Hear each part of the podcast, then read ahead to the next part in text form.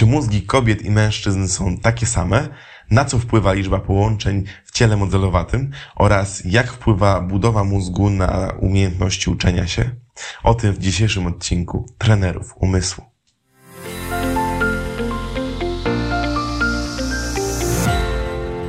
Cześć!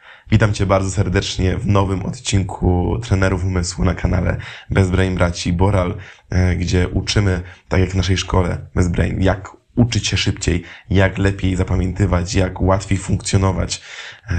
Tak samo e, jak każdy z nas jest inny, tak samo e, potrzeba wiedzieć, w jaki sposób nauczyć się korzystać z naszego umysłu. Nie wystarczy sama teoria, tak samo nie, nie wystarczy nam tylko wiedzieć, e, że jest coś takiego jak fizyka, czy wiedzieć, że istnieją takie, takie wzory, ale ktoś musi nam pokazać, jak z tego skorzystać w praktyce, żeby realnie to wpłynęło na nie wiem, na, na świat, na budowy, na, na nasze życie. Dlatego zachęcam Cię do zapoznania się z naszą ofertą, link w opisie, aby zobaczyć, czy w jaki sposób możemy współpracować i pomóc Ci w lepszym wykorzystaniu potencjału Twojego umysłu. A dzisiaj myślę, że temat bardzo ciekawy.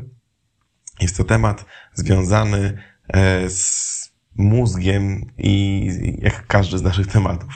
Natomiast z różnicami w mózgu pomiędzy mężczyznami, a pomiędzy kobietami czyli o płci naszego mózgu. Po pierwsze, warto się zastanowić, zastanowić, czy mózgi się od siebie czymś różnią w ogóle. Niekoniecznie mężczyzn i kobiet, tylko między sobą.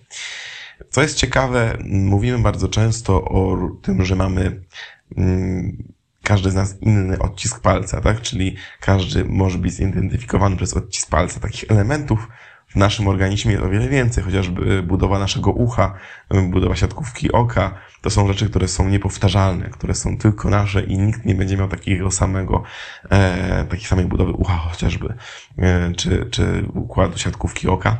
Natomiast mózg e, jest totalnie różny. I on, dlaczego jest totalnie różny? Dlatego tutaj podkreśliłem, że jeszcze bardziej różny chociażby od odcisku, od odcisku palca, ponieważ odcisk palca jest praktycznie trwały, on się nie zmieni. Natomiast nasz mózg jest bardzo dynamiczny. Każda informacja, która wpływa na naszego mózgu, każde doświadczenie, każde działanie, nasza, nasza dieta chyba też jak najbardziej, wszystko wpływa na jego kształt, na jego funkcjonowanie, na jego budowę. Więc nasz mózg nie tyle jest rozróżnialny od innych mózgów, ale cały czas się zmienia. On cały czas y, ewoluuje, tak? Cały czas zmienia swój kształt, swoje struktury, y, dlatego on jest tak totalnie inny, tak niesamowicie e, trudny do zrozumienia, ponieważ jest cały czas w ruchu. Natomiast e, jest, są różnice pomiędzy e, różnymi osobami, ale są różnice takie generalne w budowie pomiędzy płcią. Jakie różnice są pomiędzy mózgiem kobiety, a pomiędzy mózgiem mężczyzny? Jest tych różnic bardzo dużo, chociażby to, że E, różnią się rozmiarem, czyli mózgi mężczyzn są zwykle większe od mózgów kobiet. E, jest to przeciętnie 10% różnicy między wielkościami tych e, w, ty, w objętości mózgu. Natomiast, co jest istotne, nie ma różnicy, jeżeli chodzi o liczbę neuronów w tych mózgach. To znaczy, że po prostu są inaczej ułożone te neuro, neurony.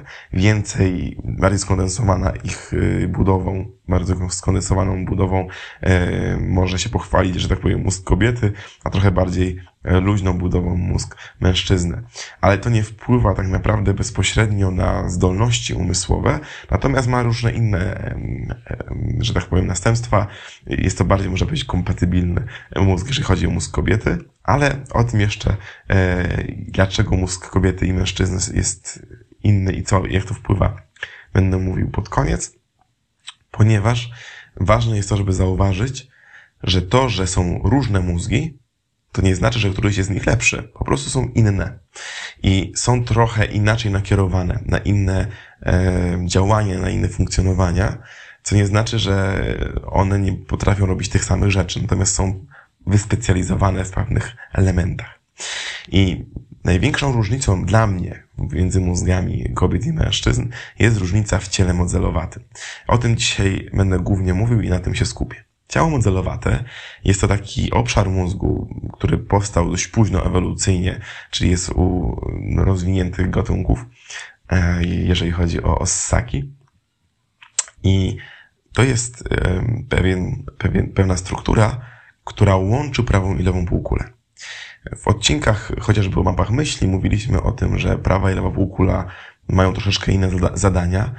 Ważne jest to, żeby wiedzieć, że ciało modelowate je łączy i że dwie półkule, e, że dwie półkule mózgu są bardzo podobne do siebie, czyli mają bardzo podobne struktury i funkcjonują w bardzo, w tych, tych, w tych samych rzeczach biorą udział. Natomiast zauważono, naukowcy zauważyli, podpinając mózg pod EEG, że aktywność prawej i lewej półkuli zależy od wykonywanej czynności. Lewa półkula jest bardziej aktywna w momencie, kiedy robimy rzeczy związane z matematyką, rzeczy związane z logiką, e, z hierarchizacją informacji, ze wszystkimi rzeczami związanymi z taką mocno ścisłą e, kwestią e, przetwarzania informacji i e, funkcjonowania, wykonywania zadania. Natomiast prawa półkula bardziej związana jest z emocjami, z przestrzenią, barwami, z artyzmem, czyli jest e, bardziej aktywna w tym momencie. Oczywiście dwie półkule działają cały czas, natomiast zwiększa się mocno aktywność jednej z nich w momencie, kiedy wykonujemy jedno z tych E, zadań, o których powiedziałem. I teraz ciało modelowate jest, takim, jest taką autostradą neuronów pomiędzy prawą a lewą półkulą. Jest łącznikiem między nimi i pozwala przesyłać komunikaty pomiędzy półkulami. Co jest bardzo istotne, kiedy na przykład chcemy mm, mocno się skoncentrować i zaangażować cały swój mózg do jakiegoś konkretnego zadania, na przykład y, przy mapie myśli specjalnie włączamy prawą i lewą półkulę za pomocą odpowiednich y, działań, odpowiednich zasad tych map myśli, mapowania myśli, tak żeby dwie półkule wspólnie funkcjonowały, wspólnie angażowały się w dany problem. I teraz one się wspólnie są w stanie angażować się w momencie, kiedy jest między nimi komunikacja. I ta komunikacja jest właśnie w ciele modelowanym. I teraz Spór o to ciało modelowate, czy ono jest inne między kobietami a mężczyznami, trwał od początku XX wieku. Znaczy trwał, bo już jest rozwiązany. Były różne badania, różnie, różnie do tego podchodzono, ale już e, pod koniec XX wieku, dzięki odpowiednim obrazowaniom mózgu, można było zrobić bardzo dokładne badania, w których e, wynikło, że około 70% kobiet ma znacznie większe ciało modelowate od mężczyzn. Czyli jest to taka wartość statystyczna, która mówi, że kobieta ma większe ciało modelowate od mężczyzny. Jest to fakt, po prostu tak jest. I dlatego uważam, że mózg kobiety jest bardziej genialny od mózgu e, mężczyzny. E, I zaraz obronię tej tezy. Będę próbował oczywiście yy, obronić tą tezę. Jakie jest następstwo tego, że mamy różnice w tym ciele modelowatym? Jakie jest następstwo tego, na przykład u kobiet, że mają większe to ciało modelowate? Po pierwsze, yy, mówiłem już o, w, w odcinku o multitaskingu, że multitasking nie istnieje. Natomiast jest coś takiego jak przerzutność uwagi i możliwość jakby ogarnięcia kilku zadań w tym samym czasie, mimo że nasza koncentracja uwagi jest skupiona tylko na jednym zadaniu. I bardzo mocno ułatwione działanie nad wieloma zadaniami w danym momencie mają kobiety, ponieważ współpraca dwóch półkul pozwala na większe, na, na łatwiejsze e, przetwarzanie im wielu bodźców naraz. Na tym, żeby e, te bodźce, które przychodzą do mózgu, ułatwiały przerzucenie uwagi na daną rzecz i powrót uwagi później na inną, inny bodziec, który jest, się dzieje. Czyli jesteś, kobiety jak gdyby są w stanie zapanować nad kilkoma rzeczami, które się dzieją obecnie, nie wiem, w domu. Tak, na przykład y, bardzo często tak, kiedy kobieta zajmuje się dziećmi, to potrafi jeszcze w tym czasie robić kilka rzeczy naraz. Znaczy funkcjonować w kilku rzeczywistościach. Natomiast mężczyzna, przez to, że ma mniejsze to ciało modelowate, jest to trudniejsze dla niego. Dlatego zwykle, kiedy on coś robi, to on coś robi. Kiedy zajmuje się z dziećmi, dziećmi to w tym momencie siedzi i, nie wiem, gra z nimi w coś, bawi się z nimi w coś, czymś. A kiedy robi coś innego, no to raz na jakiś czas może spojrzeć na dziecko, ale nie jest w stanie w taki sposób funkcjonować jak kobieta. Ma to utrudnione, po prostu. Ma utrudniony taki sam sposób funkcjonowania jak ona. Jest to też pewien problem, jeżeli chodzi o kobietę, ze względu na to, że mężczyznom łatwiej trochę się skupić nad jedną pracą, czyli łatwiej e, skupić się nad jednym konkretnym zadaniem. mm, kobieta zawsze łatwiej może, znaczy zawsze, ma pewną predyspozycję do tego, żeby ulec pewnemu rozproszeniu, a mężczyzna ma trochę łatwiej się wyłączyć z tego, co się dzieje wokół i zająć się jednym konkretnym tematem. E, natomiast jest jeszcze kilka następstw. Jednym z następstw tego ciała modelowatego jest to, że dwie półkule szybciej ze sobą współpracują, kiedy ciało jest większe, tak? Czyli bardzo często możemy zauważyć, że kobiety e, łączą myślenie emocjonalne z myśleniem racjonalnym o wiele bardziej niż mężczyźni. Dzieje się właśnie to dlatego, że te półkole są bardziej połączone. I jeżeli kobieta ma dobry humor, łatwiej jest jej pracować, łatwiej jest jej funkcjonować w pracy bardzo często, e, wykonywać pewne zadania. A kiedy ma trudny dzień, trudniej jest wykonywać o wiele te zadania. Mężczyzna też ma, oczywiście nie jest totalnie inną osobą, natomiast ma pewną łatwość w odłączeniu emocji od y, myślenia racjonalnego. Ma to oczywiście też swoje negatywne e, e, skutki, jeżeli chodzi o mężczyzn. W przypadku kobiet są takie statystyki chociażby o samobójstwach, które pokazują, że mm, kobiety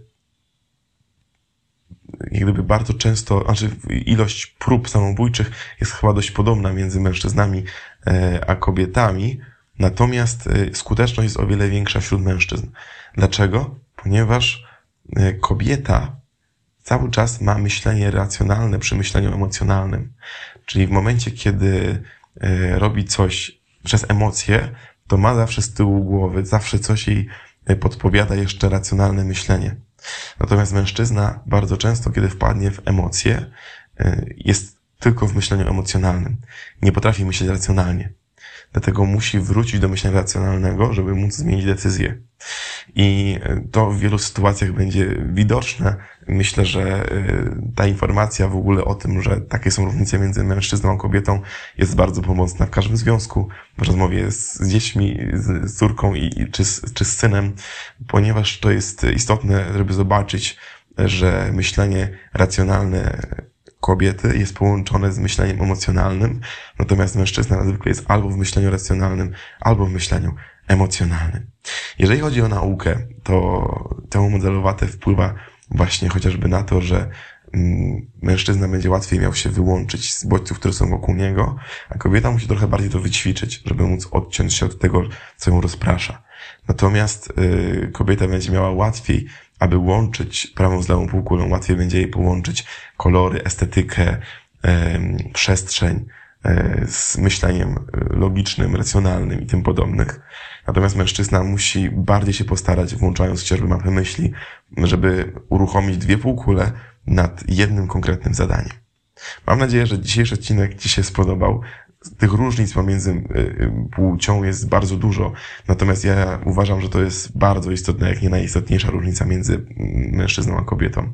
Zachęcam Cię bardzo do e, stawienia komentarza, co sądzisz w ogóle o różnicach między mm, mózgiem mężczyzny a kobiety.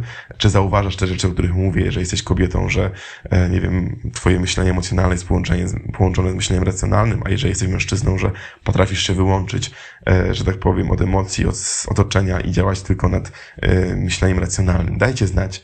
Zobaczymy, czy te wyniki badań i te podejście do tego, jak, jak ciało modelowate wpływa na nasze funkcjonowanie jest, jest zgodne z Waszą sytuacją. Bardzo dziękuję. Widzimy się za tydzień e, i życzę Wam dobrego dnia.